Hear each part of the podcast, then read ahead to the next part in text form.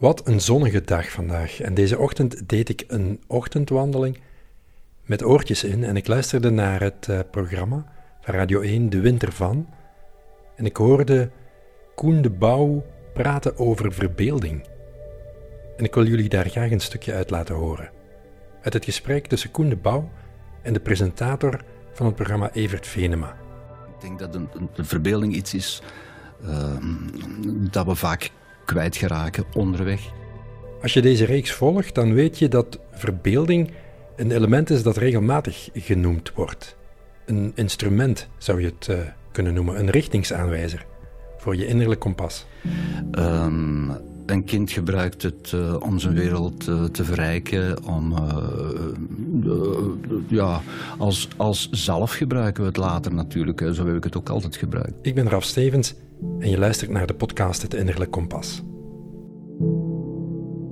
Vandaag dus geen gast in het programma, want het stukje deze morgen met Koen de Bouw deed me denken aan een gedicht van Ron van Nes, De Deur. Een gedicht dat ook je verbeelding wil aanspreken.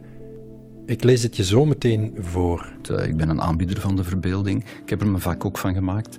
Uh, niet zozeer als uh, misschien in de eerste, ja, de, de, eerste tijd als een soort van ontsnappingsroute. maar daarna ben ik het meer en meer gaan waarderen. En heb ik het zelfs geplaatst op gelijkwaardig niveau van de realiteit. Zoals we denken dat de realiteit zich aan ons voordoet dan. Maar je moet vaak vechten. Ik denk veel mensen moeten vaak vechten om het een plaats te kunnen blijven geven, die verbeelding. Ja, als het een gevecht wordt, dan, uh, dan wordt het moeilijk. Hè? Maar het, het is iets wat uh, zeker in het onderwijs uh, vaak moeilijk te verdedigen valt.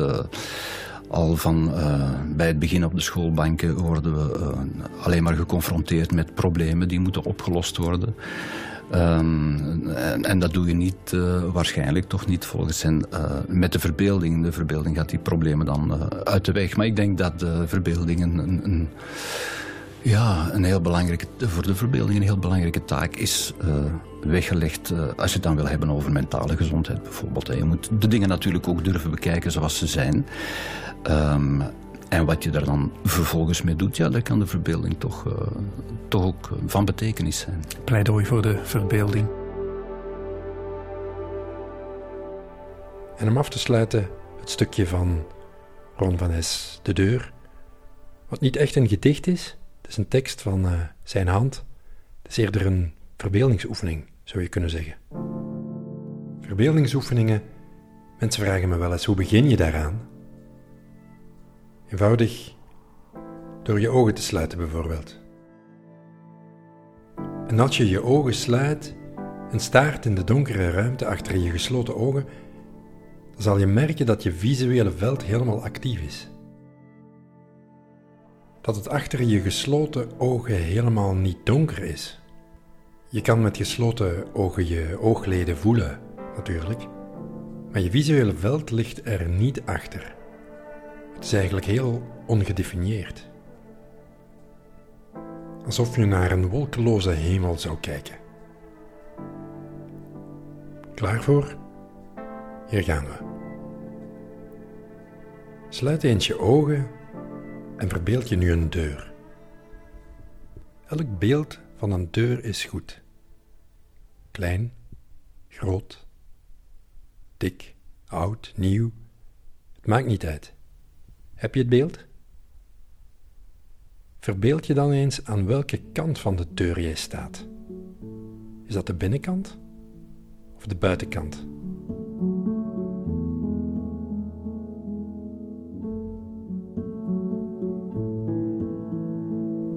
Laat elk beeld toe van die deur waar jij voor staat, binnen of buiten. Welk gevoel krijg je van die deur?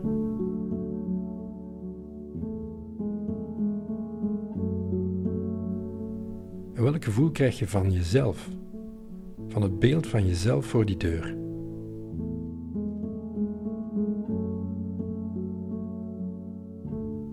Dan opent de deur zich.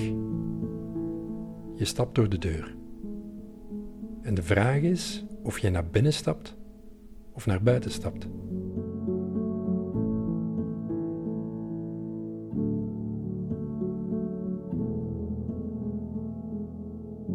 En wanneer je deze stap maakt, waar kom je dan terecht Waar kom je in terecht?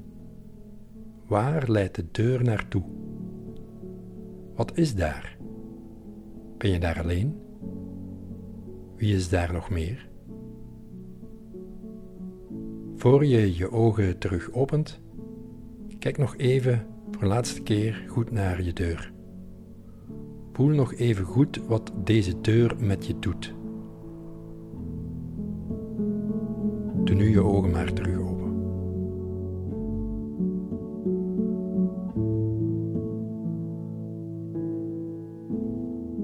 Zo'n verbeeldingsoefening kan je naar de essentie brengen. Op een andere manier dan, dan je hoofd je hersenen te gebruiken. Ik ben benieuwd wat je zag. Waar stond je voor, waar stond je achter? Of er kwamen andere reflecties op. Reflecties over moed, misschien. De moed om ergens in of uit te stappen. En hield de deur iets tegen? Waar stond die deur eigenlijk symbool voor? Was de deur een obstakel? Een grens tussen boven en beneden? Bekende of een onbekende wereld? Een schijnbaar onschuldige oefening in je verbeelding met een enorme wereld aan gevoelens. Beetje een bijzondere aflevering vandaag. Als je er iets aan gehad hebt, laat dan zeker iets van je horen. Ik zou het bekijken als een aanmoediging om uh, nog van deze dingen te doen. Alvast tot een volgende keer.